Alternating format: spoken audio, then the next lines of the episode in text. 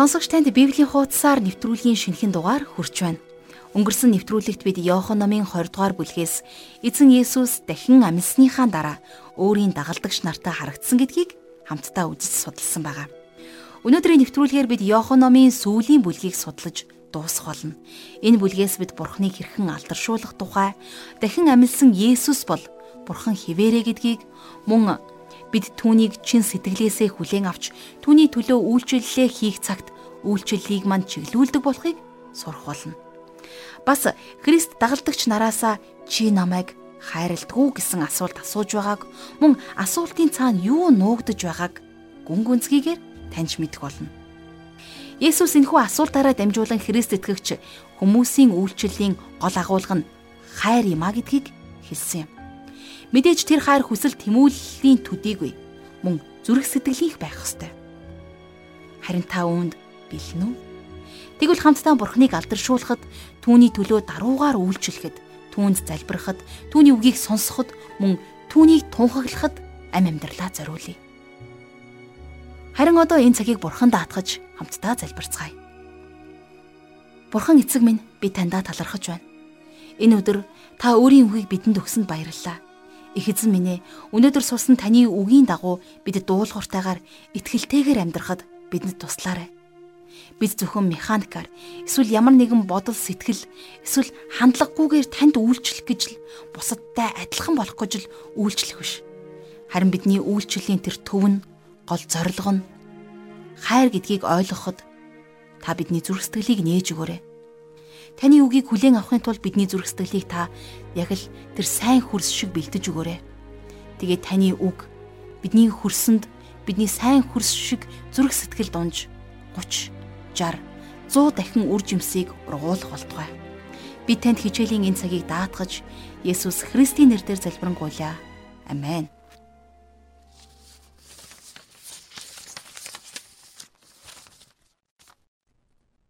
За бидний өнөөдрийн хамтдаа судлах Иохан номын 21-р бүлэг болвол энэ номын төгсгөлийн үг байгаа юм. Тэгэхээр Иохан өөрийнхөө сайн мэдээг бичснийхээ дараа удирдгал за бас төгсгөлийн үгийг нэмж бичсэн байхаа гэж би хувьдаа боддог. За энэ бүлэг болвол онцгой 3 тохиолдлыг өгүүлсэн байдаг. За Галил нууран дах загасчлал. За энэ үеэр болсон үйл явдал хэм болвол эзэн Есүсийг бидний хүсэл тэмүүллийн эзэн гэдгийг харуулсан үйл явдал болсон. Тэрээр бидний үйлчлэлийг чиглүүлж байдаг тухай эндээс ойлгох боломжтой. За хоёр дахь тохиолдол нь бол нуурын ирэг дээрх өглөөний цог. За энэ бол эзэн Есүсийг бидний зүрх сэтгэлийг илэрхийлдэг гэдгийг харуулсан. За энэ нь түүний төлөөх бидний хайрыг илэрхийлсэн маш том үйлчлэлийн сэдэл болдог. За харин 3 дахь тохиолдол бол Симон Петрийн үхлийг Есүс урдчлан хэлсэн тухай. За энэ тохиолдол бол эзэн Есүсийг бидний оюун бодлын эзэн гэдгийг харуулдаг. За бас энүүгээр дамжуулан бидэнд мэдлэг дутагдах болон за бас янз бүрийн нөхцөл байдал үйлчлэлээс холдуулах шалтгаан бишээ гэдгийг давхар хэлж өгч байдаг юм. За ингээд бидний хүсэл тэмүүллийн эзэн бидний үйлчлэлийг чиглүүлдэг гэсэн эхний онцгой тохиолдлыг хамтдаа Иохан номын 21-р бүлгийн 1-ээс 3-р ишлэлээс уншицгаая. Түүнээс хойш Есүс Тибер тэнгисийн хаваар өөрийгөө шавнартаа дахин харуулжээ. Тэр өөрийгөө ингэж харуулв. Симон Петр, ихэр гэгддэг Томас, Галилийн Канагийн Натаниэл, Зебедийн хөвгүүд бас түүний шавнараас хоёр өөр хүн цугтай байв. Симон Петр тэдэнд Би загас барихаар явлаа гэхэд тэд бид ч бас чамтай хамт явъя гэд завиндаа суув. Тэр шүн тэд юу ч барьсангүй. За Галилд байдаг энэхүү жижигхэн нуур болвол бидний их эзэн Есүс Христийн дахин амьдлалтаас өмнөх болон дараах үйлчлэлтэй маш их холбоотой нуур байсан. За тийм учраас эдгээр ирчүүдийн хувьд гэх юм бол энэ нуур танил газар нь байсан. Тэр тэднийг Галил руу яваарай гэж загсныг таалав санаж байгаа бах. Тэнд тэр тэднэртэй уулзах учраас тэд нэр Галил руу явсан байдаг. За тэгэхээр тэрнийг хүлээж байгаа гайхалтай хүмүүсийн баг энд байсан гэсэн үг. А гэхдээ би энийг асуудалтай хүүхдүүдийн бүлэг гэж нэрлэх дуртай. За эдний дунд Симон Петр байсан. Тэр бол хэдийгээр галтай цогтой нэгэн ч гэсэн бүтлгүүдэх дуртай байсан. Тэр зөөлөн дулаан зүрхсэтгэлтэй ч гэсэн бурхнаас хаяа холдчихдаг байсан. За нэг бодлын тэр уулгамч юм шиг мөртлөө за бас хүмүүсийг хайрлж чаддаг нэгэн байсан. За бас тэнд Томас байсан. За Томас бол үнэхээр хамгийн мундаг эргэлзэгч хүн. Тэрний тархинд маш олон асуултын тэмдэг байдаг. За бас Натаниэл. За Натаниэл бол ухаантай залуу. Тэр эхэндээ Томас шиг эргэлзэгч байсан. За бас аянгийн хөвгүүд гэж нэрлэгддэг Яаков, Йохан нар ч гэсэн тэднэртэй хамт байсан байна. За бас нэр нь дурддаггүй өөр хоёр хүн тэнд байсан. За ингээд нэрлээ тооцсныхоо дараагаар харах юм бол үнэхээр асуудалтай хүүхдүүдийн бүлэг байсан байгаа биз. За магадгүй тэд нар таныг бас намайг төлөөлж байгаа бах. За одоо эдгээр ирчүүдийг загасчлахаар явсныг нь Йохан буруутхан бичсэн байна. А гэхдээ эзэн тэднэрт үзэгдэхдээ тэднийг зэмлээгүй. Яагад гэхлээр тэд нэр Есүсийн тушаалаар Галил нуурын ирэг дээр байсан. За энэ үе болвол дээгүр өнгөрөх баярын улирал буюу хавар цаг байсан. Өмнө зүгээс үлэх дулаахан салхи, эргийн ойролцоо усны долгионыг үүсгэж, за эргэн тойрны уул толгод нов ногоон болчихсон байсан. Тэнд бас зэрлэг цэцэгс газрыг дүүрэн хутсан байсан баг. За тэгээд тэд нар эзэн Есүсийг тэнд ирнэ гэд хүлээж байсан. За Петрийн хувьд гэх юм бол тэр үнэхээр төвчээргүй байсан. Тэм учраас тэрээр урагш хойш холхиж За эргийн дээгүр довгор баахан харсныхаа дараагаар за би ер нь загасчлахаар явлаа гэж хэлсэн байх. За тэгээд нөгөө 6 нь өөр хийх юм байхгүйсэн учраас тэрнийг дагахаар шийдэж. За тэгээд тэд нэр Библиэр хэлснээр тэр шүнжэнгөө загасчлаад юу ч бариагүй. За энэ бол ёстой жинхэнэ мэрэгчлэнүүдийн бүтлгүүтэл байсан. Мэрэгжлийн загасчд байсан хэрнээ эдгээр ирчүүд шүнжэнгөө загасчлаад ч юу ч бариагүй байна. Тэд нэр өмнө нь загасжилдаг байхдаа амралтгүй ажилдаг ч гэсэн загастай л харьдаг байсан. Харин өнөөдөр болвол тэд нар амралтгүй ажиллаад ширхэгч загас бариагүй болохоор сэтгэлээр маш их ундаг. Харин тэдний энэ бүтлгүүтэл нь болвол тэдний төлөөх бурхны төлөвлөгөө зориг байсан юм. Тэгэд өглөө нь үүр цайхад Галил тэнгис дэх нэгэн яруу сайхан өглөөтэй тэд нэр золгосон. За 21 дугаар бүлгийн 4 дугаар ишлэгийг хамтдаа харцгаая. Үүр цайх үед Есүс иргэдээр зогсож байлаа. Гэвч шавнар нь түүнийг таньсангүй. Тэгэхээр Есүс тэнд алдаршуулгдсан биеэрээ байсан. Түүнийг таньж болохоор байсан ч гэсэн тэд нар магадгүй нууран дээр хол зайтай байсан байх. За тэгээд бас өглөө эрт иргэдээр хүмүүсийг танихад хэцүү байсан байж болох юм. За 5 дугаар ишлэл дээр Есүс тэдэнд Хүүхдүүдээ та нарт ямар ч загас алгуу гэхэд тэд алга гэлээ. За Есүсийн хэлсэн хүүхдүүд гэдэг үг ноёдоо гэдэг утгатай ижил утгаар хэрэглэгдсэн. За энэ нь Иохны бичсэн 1-р захидал дээр бяцхан хүүхдүүд гэдэгтэй адил инхрийлсэн нэр томьёо биш. За тэдний хариулт үгүй гих товчхон хариулт байсан. А гэхдээ тэд нар энэ талаар үнэхээр ярихыг хүсээгүй. Хэрвээ тэд нар загас барьсан байсан бол хамгийн түрүүнд түүнд барьсан загаснуудаа хэр урт болохыг нь харуулах байсан байх. Та ямарваа нэгэн зүйл барьсан уу? Энэ газар дэлхий дээр та хүмүүсийн төлөө яг юу хийсэн бэ гэж Есүс бид бүгдээс нэгэн өдөр асуух болно.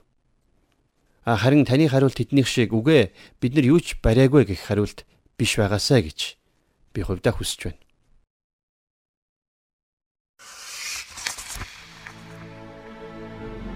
Сонсогч танд Библийн боловсрол олгох Библийн хуудасаар радио хичээл хурж байна. Та санал бодлоо 8983 1045 утсанд хандаж хэлээрэй. Бас манай Facebook хуудасаар зочилж болно. Хаяг нь facebook.com Библийн хуудасаар.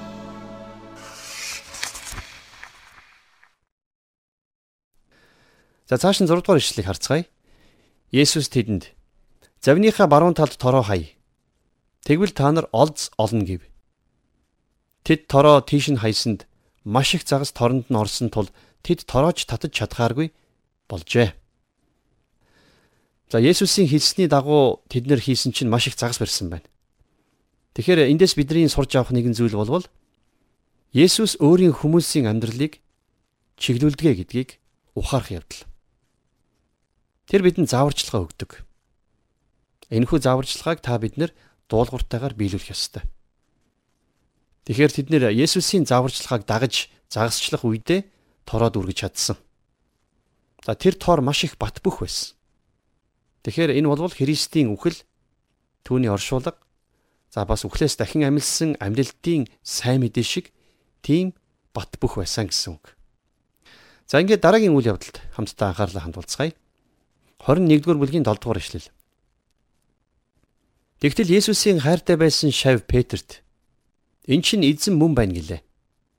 Симон Петр "Эн чинь эзэн мөн байна" гэхийг сонсмогц загасчлахын тулд тайлсан байсан гадуур хувцсаа өмсөж тэнгис рүү үсрэн оров. За Йоханд Симон Петрт байгаагүй сүнслэг ойлголт байсан. Юу гэвэл 3 жилийн өмнө Есүс тэднийг за магадгүй яг тэр газар дээр дуудсан. Тэд нар загасчлахаар буцаад явж байсан. Харин эзэн тэднийг хүмүүсийн сүнсийг загасчлуулахаар дахин дуудсан байсан. Петрт Йохны ялгах чадвар магадгүй байхгүй байсан баг. Гэхдээ тэр боломж бүрт эзэнтэй ойртдог байсныг та анзаарсан уу? Бусад хүмүүс завиндаа сууцгааж л байсан. Харин Симон Петр тгийг тэр хүлээж чадаагүй. Тэр эзэнтэйгээ ойр байхыг хүсдэг үнэхээр гайхалтай хүн байсан юм. За 21-р бүлгийн 8-аас 11-р ишлэлийг хамтдаа уншицгаая. Харин бусад шавнар нь жижиг завиндаа дүүрэн загастай торооч ирсээр ирлээ. Учир нь тэд эргээс холгүй боловч 200 орчим тохой зайтай байжээ. Тэд эрэг дээр гараад модны нүрсний гал дээр нь байх загас болон талхыг харав. Есүс тэдэнд саяын барьсан загаснаас хэдийг аваад иргэлээ. Симон Петр очиж 153 загсаар дүүрэн тороо эрэг дээр татаж гаргав. Тийм их загас байсан боловч тор нь урагдаагүй байлаа. За энэ болвол хамгийн сүүлд тэмдэглэгдэн үлдсэн Есүс Христийн гайхамшиг. Есүсийн дахин амилтын дараах цорын ганц гайхамшиг байсан. А гэхдээ энэ бүхэнд нэгэн чухал санаа байгаа. Юу вэ гэвэл та бид нэр Христийн дахин амилтын дараах түүний үйлчлэлийн талаар санаа зовдөг. За тэгвэл энэ талаар Илж Паул Коринт хотынд бичсэн 2 дугаар захидлын 5-ын 16 дугаар ишлэлдэр хэлэхдээ Иймд үүнээс хойш бид хэнийгч махан биеийн дагуу үзэхгүй. Хэдийгээр бид Христийг махан биеийн дагуу мэддэг байсан ч гэсэн идүгэ бид түүнийг дахиад тийм байдлаар нь мэдэхгүй гэж хэлсэн байна. Тэгэхээр бид нар Бэтлехем төрсэн тэр хүүхэдтэй холбогддоггүй. Харин дахин амилсан амьд бурхны баруун моторт байгаа алдарт Христтэй холбогддог. За тийм учраас энэ нь дахин амилтын дараах түүний үйлчлэл яагаад та бидний хувьд чухал байдгийг шалтгаан болж байдгийг. За би энд хид хідэн зүйлд таны анхаарлыг хандуулахыг хүсэж байна. Есүс ямар хүмүүсийг өөрийн гайхамшгуудын үндэс болгон ашигладгийг та анзаарсан уу? За энд дагалдагч нар загасчилж байна. Тэгээд тэд нар юу ч бариагүй. Эзэн Есүс тэднэрт ариун их загсыг өгдөг. За санаж байна уу? Канагийн хуримн дээр усны савнууд хоосон байсан. За тэгээд эзэн эдгээр савнуудыг усаар дүүргүүлдэг. Тэгснийхээ дараагаар Есүс тэдгэрийг дарс болгон хувиргасан. Бурхан Мосегийн гарт юу байна вэ гэж асуусан. Мосе түүнд таяг гэж хариулсан. За тэр таягаар Бурхан Израилийн төлөө өөрийн гайхамшгуудыг үлдүүлдэг. За Давидын хувьд гэх юм бол тэрээр зүгээр шилбүүр барьсан жирийн хончин байсан. Харин Бурхан тэрний гарт нь хааны очир таягийг өгсөн. Тэгэхээр би энэгээр юу хэлэх гээд байна вэ гэхээр бурхан таны гарт байгаа зүйлийг ашиглаж чадна. Үнэхээр олон хүмүүс өөр хаан нэгтэй өөр ямар нэгэн нөхцөл байдлуудад байхыг хүсдэгтэй. А гэхдээ хэрвээ таныг бурхан одоо яг байгаа газарт чинь ашиглаж чадахгүй байгаа бол тэр таныг өөр нэгэн газарт ашиглана гэж та бити бодоорой. За энэс гадна бурхан хийж байгаа зүйлээ бялхмаар хийдгээ гэдгийг Та анзарч байсан уу? За усны савнууд арсаар дүүрэн байсан тийм ээ.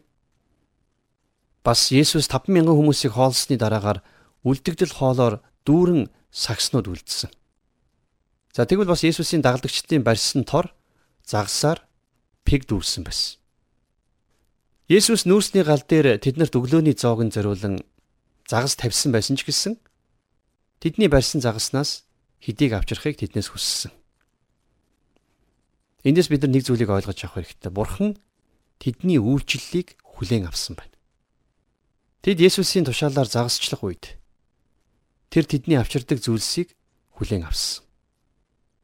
Ийм учраас үйлчлэлдэх нөхөрлөл болвол өөрөө гайхалтай ерөөл байдаг юм. Петрийн маш олон загас барьсан бас нэгэн тохиолдол Лук номон дээр бичигдэн үлдсэн байдаг. За энэ бол Есүсийн үйлчлэлийн эхний өдрүүдэд болсон үйл явдал. Тэр Петрийг хүмүүсийн загасчин болгохоор дуудсан. Харин тэр үед тор нь урагдсан. Санж байна уу? За тор урагдаж олон загас урсаад явсан байна. А гэтэл харин энэ удаад бол тор урагдalgүйгээр хуурай газар руу гарч ирсэн. Энүүгээр дамжуулан Петрийг хондийг за хургунуудын тижээ гэж Есүс дуудсан байна. Тэрээр Бурхны үгээр тэднийг хончлох хэрэгтэй болсон. Тэгэхээр сайн мэдээ бол зөвхөн аврах мэдээ байгаа зогсохгүй. Харин тэднийг хончилж хариулан тэтгэх тижээх мэдээ юм. Итгэгч нарыг алдаа бүтлгүүдэл дунд байх үед нь ч гэсэн эзний үгээр хончид та биднийг тэтгэх ёстой байдаг. Есүс Христ өөрийнхөө хүмүүс зориулсан нэгэн зориг байгааг мэдсэн учраас тэрээр бидний амьдралыг бас чиглүүлэхийг хүсдэг юм аа. Хэрвээ бид нар түүн дуулууртай байх юм бол тэр биднийг өрөөж бас гайхамшигтай нөхөрлөлөөр бидэнтэй нөхөрлөдөг. За ингээд бидний зүрх сэтгэлийн эзэн үйлчлэлийн учир шалтгаан болсон Есүсийн үг. За Иохны 21-р бүлгийн 12-оос 14-р эшлэлдэр юу гэж өгүүлж байгаа тухай хамтдаа харцгаая. За 12-оос 14-р эшлэл. Есүс тэдэнд наашир өглөөний хоолоо идцгээ гэхэд түүнийг эзэн мөн гэдгийг мэдэж байсан шавнараас нь хинэнч та хинбэ гэж асууж зөрхөлсөнгүй. Есүс ирж талх авч тэдэнд өгөв. Бас загас өгөв. Энэ бол Есүс үхэгсдээс амьлуулагдсныхаа дараа шавнартаа өөрийгөө харуулсны 3 дахь нь байсан юм. За наашир өглөөний хоолоо идцгээе гэж хэлсэн Есүсийн энэ үг ямар гайхалтай сайхан урилга вэ? За Марк номын 16 дугаар бүлгийн 15 дугаар ишлэлдэр бас энэ тухай байдаг. Гэхдээ тэр таныг явхаасаа өмнө ирж түүнтэй өглөөний хоол идэхийг хүсдэг. Энд байгаа хамгийн гайхалтай нэгэн зүйл нь юу вэ гэвэл дахин амилсан эзэн Бурхан өөрөө тэднийг хооллож байгаа явдал. Хэрвээ бид нар өнөөдөр суугаад түүгээр биднийг хооллуулдаг бол тэр өөрийн хүмүүсийг хооллохыг хүсдэгэ гэдгийг ойлгох хэрэгтэй.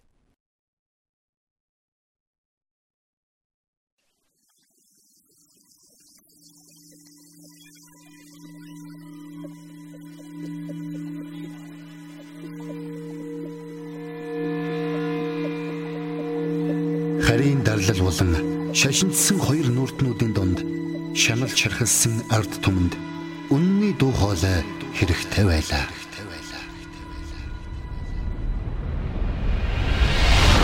Би бол зам, үнэн, ань мөн. Хинч надаар дамжилгүйгээр эцэгт хүрэхгүй. Хэрв та нар намайг мэдсэн бол миний эцгийгч мөн мэдэх байсан.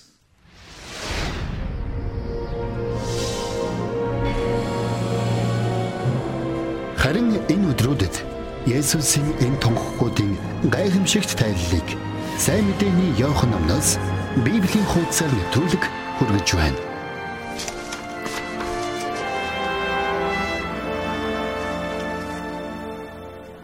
Та даваагаас баасан гарагт өдөр 14 цаг 5 минутаас шөнө 2 цаг 5 минутаас хүлээн авч сонсоорой.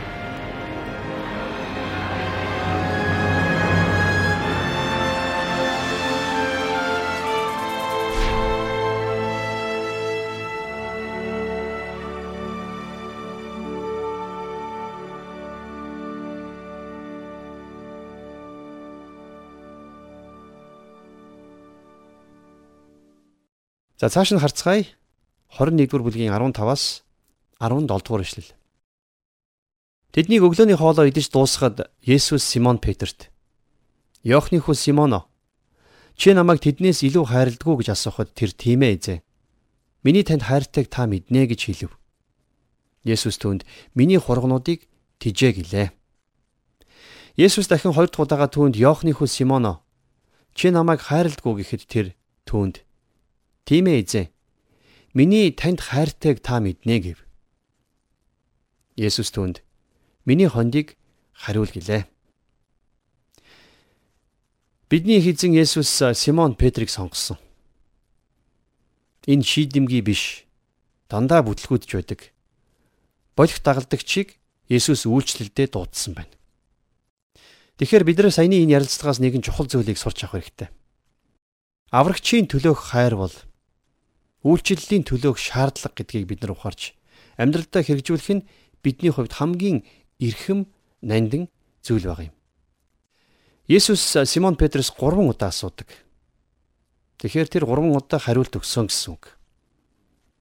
За эзэн Есүсийн асуусан тэр асуултууд нь Петрт өгөгдсөн 3 удаагийн даалгавар байсан. За тэгвэл яагаад заавал 3 удаа асуусан юм бэ?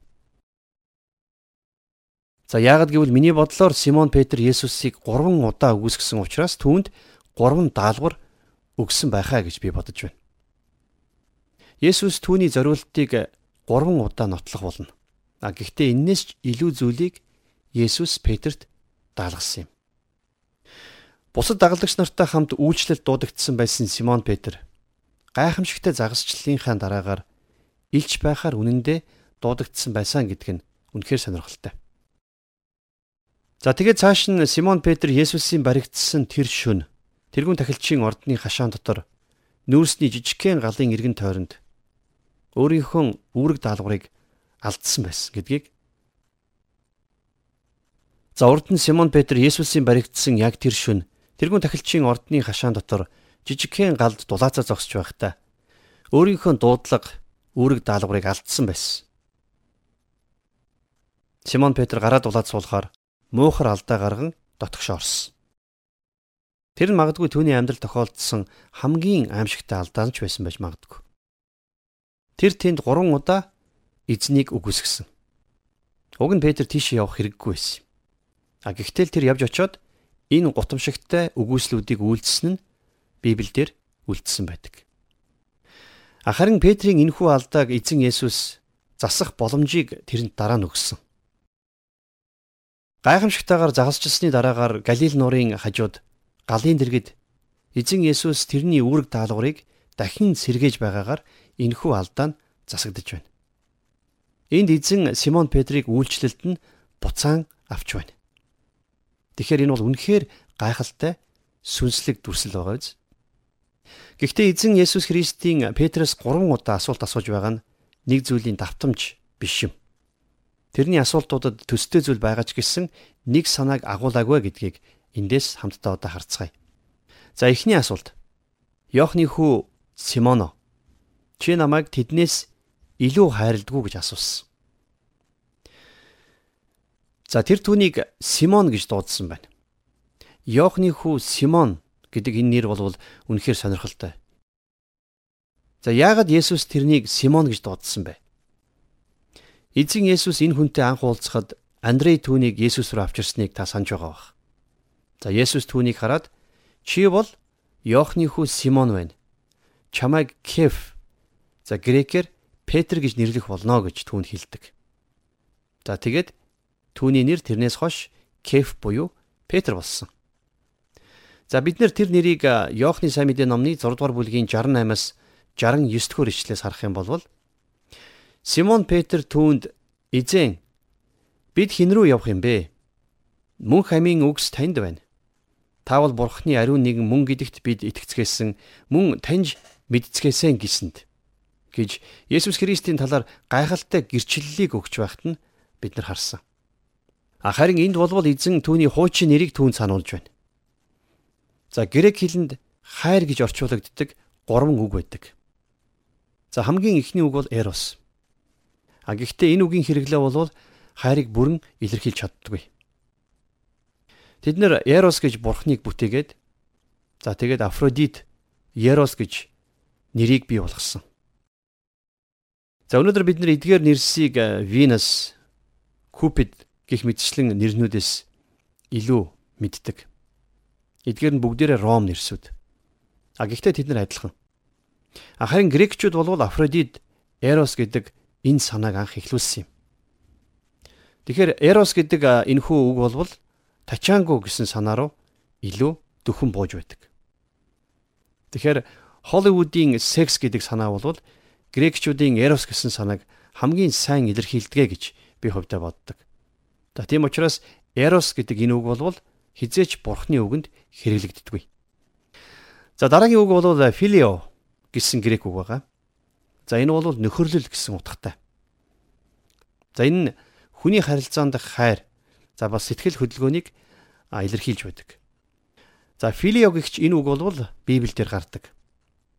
А гэхдээ Библиэлд хамгийн их гардаг хайрын бас нэгэн үг бол агапе гэсэн үг. За агапе бол үнэндээ хайрыг дээд зэргээр илэрхийлсэн үг байгаа юм. За энэ үг бол сүр жавхлантай тэнгэрлэг үг. За тэгээд энэ үгээр Бурхны хайрыг илэрхийлэхэд хэрэгэлдэг. За тийм учраас эзэн Есүс Христ Симон Петртэй ярьж байхдаа агапе гэх энэ үгийг ашигласан. За юу гэж хэлсэн гэхлээр зэрэг Симон Петр чи намайг бүх зүрх сэтгэлээрээ агапе юу гэж Есүс асуусан байна. Тэгэхээр зөв онол сургаал, зөв итгэл үнэмшилтэй байх маш чухал байдаг. А гэхдээ аврал бол хайрын асуудал байсан. Хэрвээ та Бурхныг хайрладгүй бол юу ч байхгүй хоосон байна гэсэн үг. Тийм учраас Иесусийн асуусан асуулт буюу за Иохны хүү Симоно чи намайг эдгээрээс илүү хайрладгүй гэж асуусан нь энэнтэй холбоотой. Тэгэхээр хайр бол бурхан хүн хоёрын хоорондох хамгийн гайхалтай хамгийн эрхэм дээд харилцаа юм. За харин миний хувьд итгэл гэдэг үгийг би христтгэлийн хамгийн дээд үг гэж сонгох байсан. За үнэн дээр итгэл гэдэг бол альва шашны хамгийн дээд эрхэм үг юм шиг санагддаг тийм үе байсан. А гэхдээ бичээс биднэрт хариуг нь шууд хэлсэн. Та санаж байна уу? За 1-р Коринтын 13-ын 13 дугаар ишлэлдэр байдаг нэгэн алдартай ишлэлийг би энд сануул ингэж татмаар байна.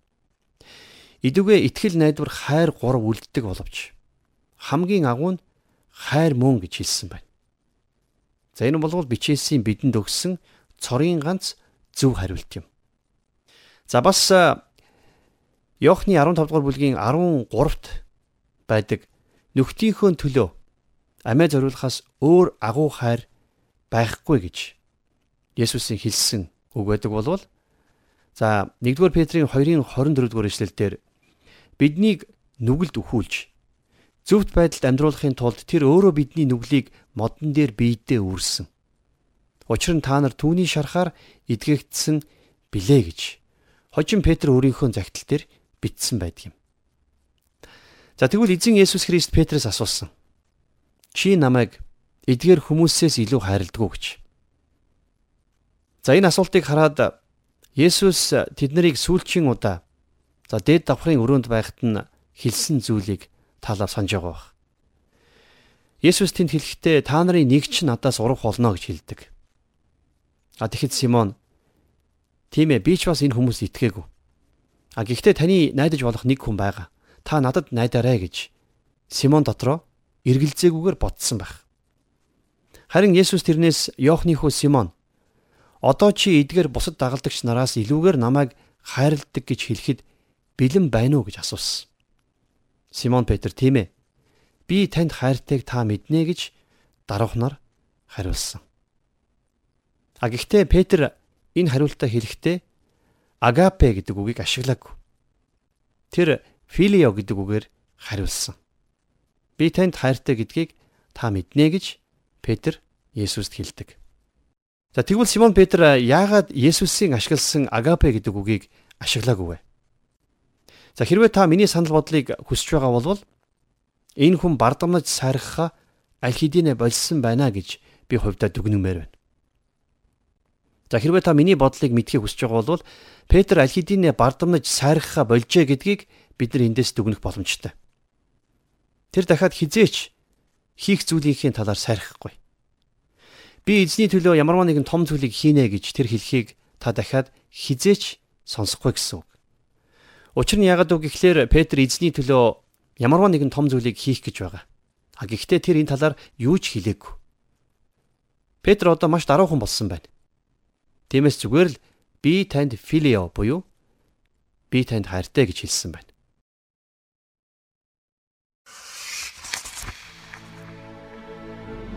Сонсогч танд Библийн боловсрол олгох Библийн хуудасаар радио хичээл хурж байна.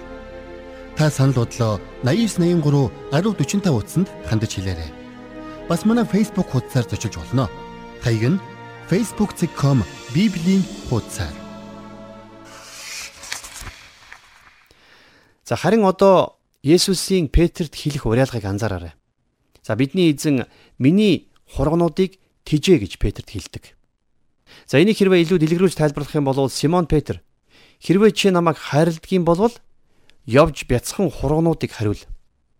Би чамаар тэднийг хооллуулахыг хүсэж байна гэж дэлгэрүүлж болох юм. Христэд итгэдэг олон хүн түүнийг миний бяцхан хургнуудыг шүүмжил гэж хэлсэн гэж боддог юм шиг байна. Харин Есүс танд тийм даалгавар өгөөгүй. Есүс тэднийг шүүмжлэх биш шүүх биш.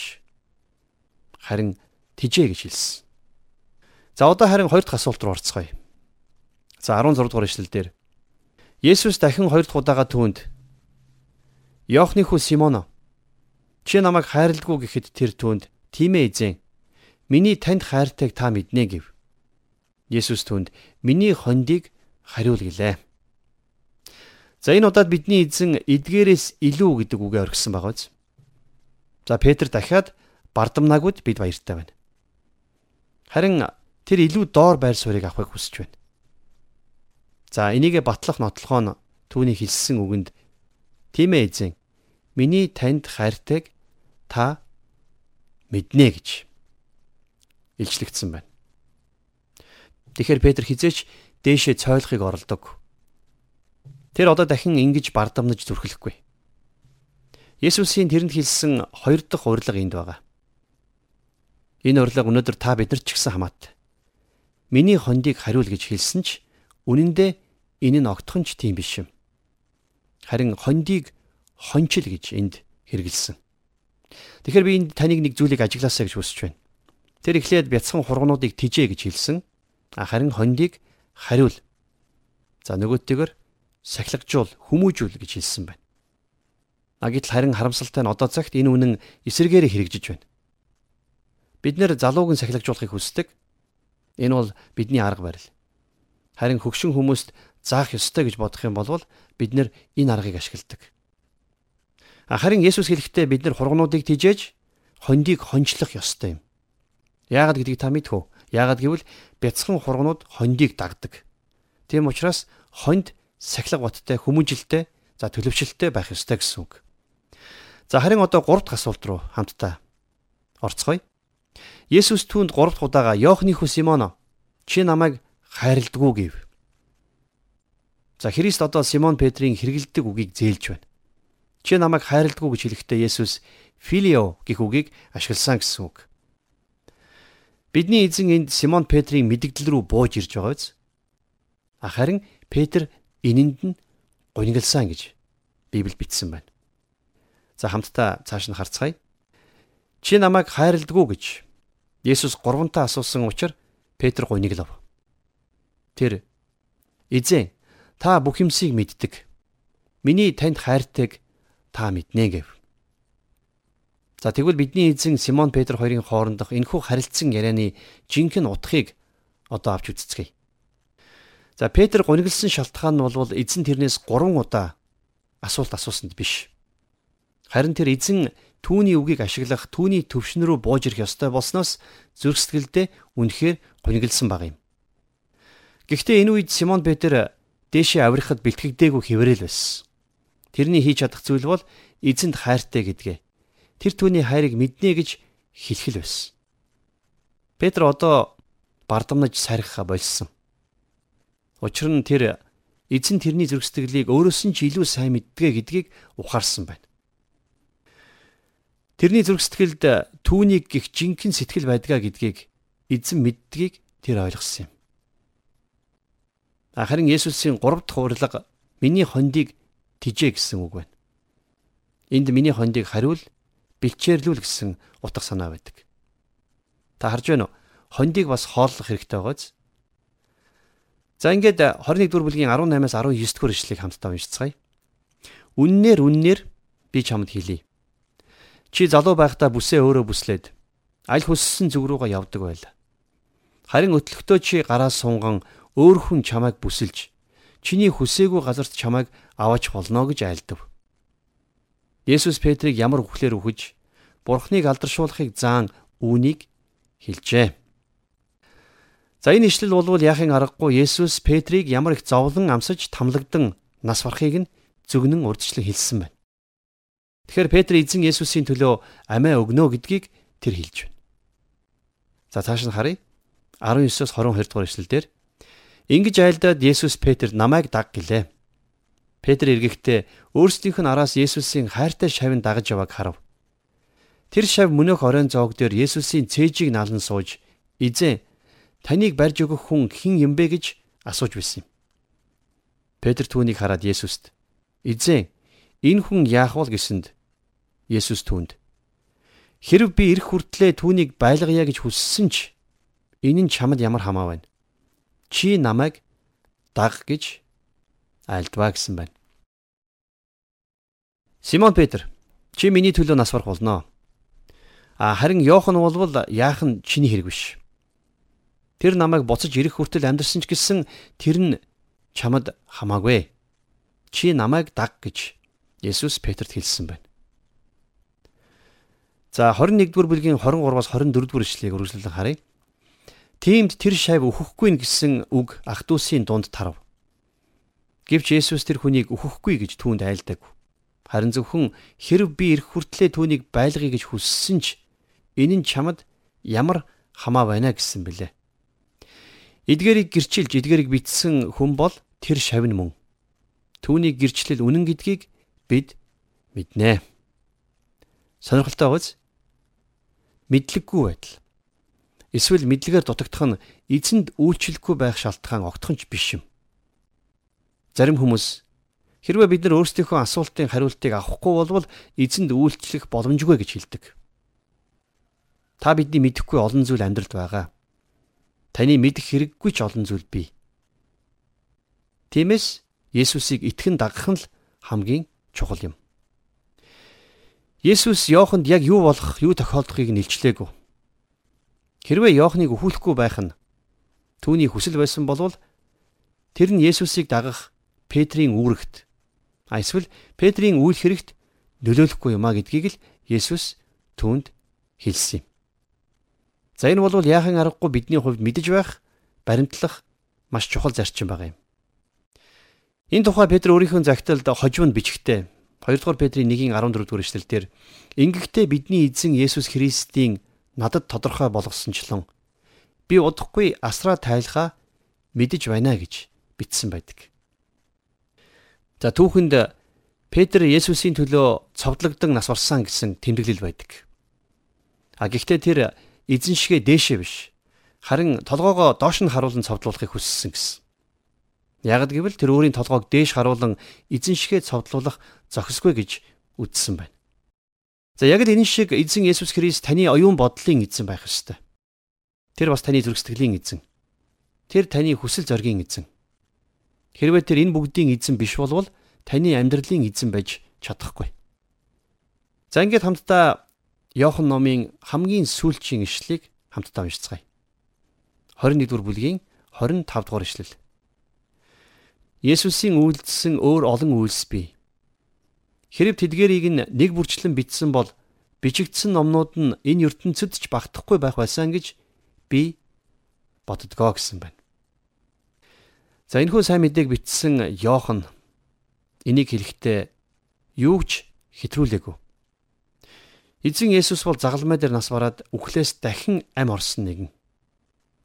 Тэр бол үнэхээр мөнхийн бурхан хүмүүн төрлөختөн бидний аврагч юм.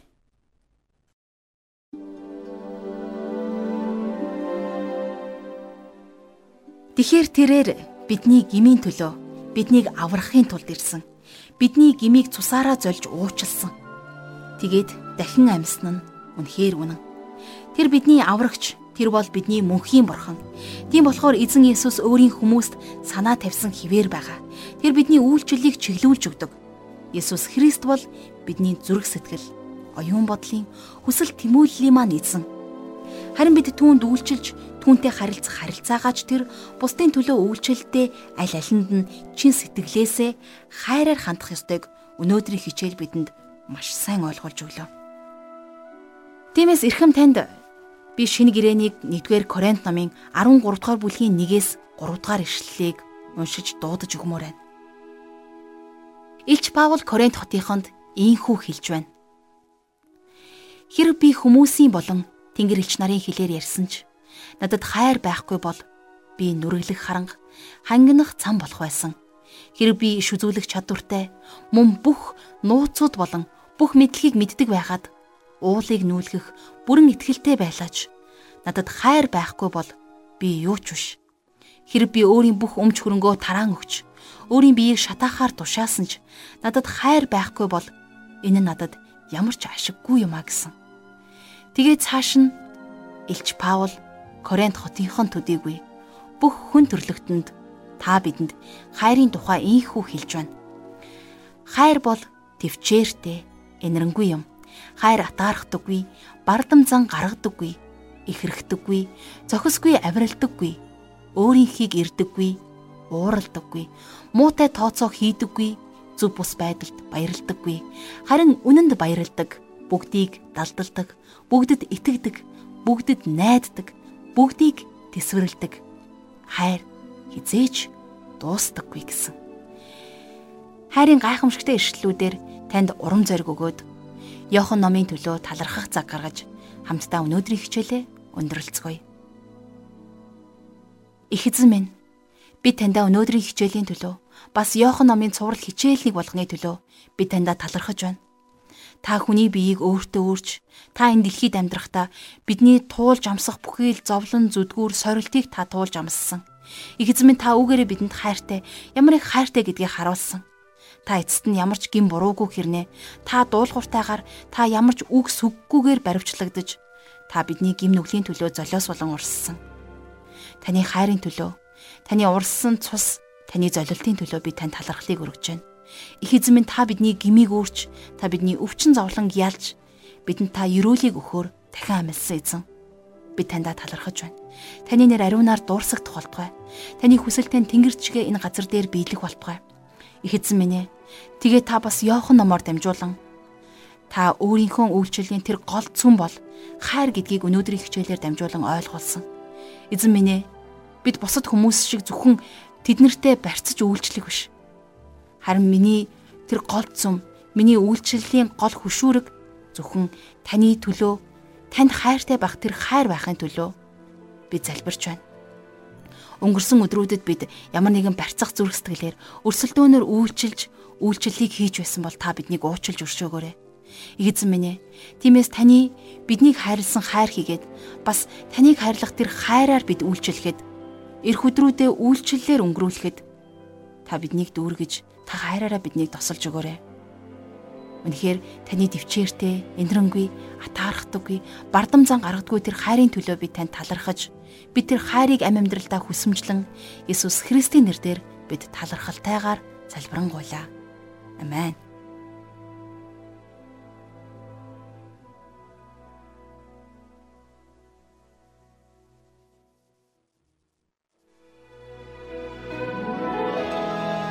Сонсогч танд Библийн хуудасаар радио хичээл хүрлээ.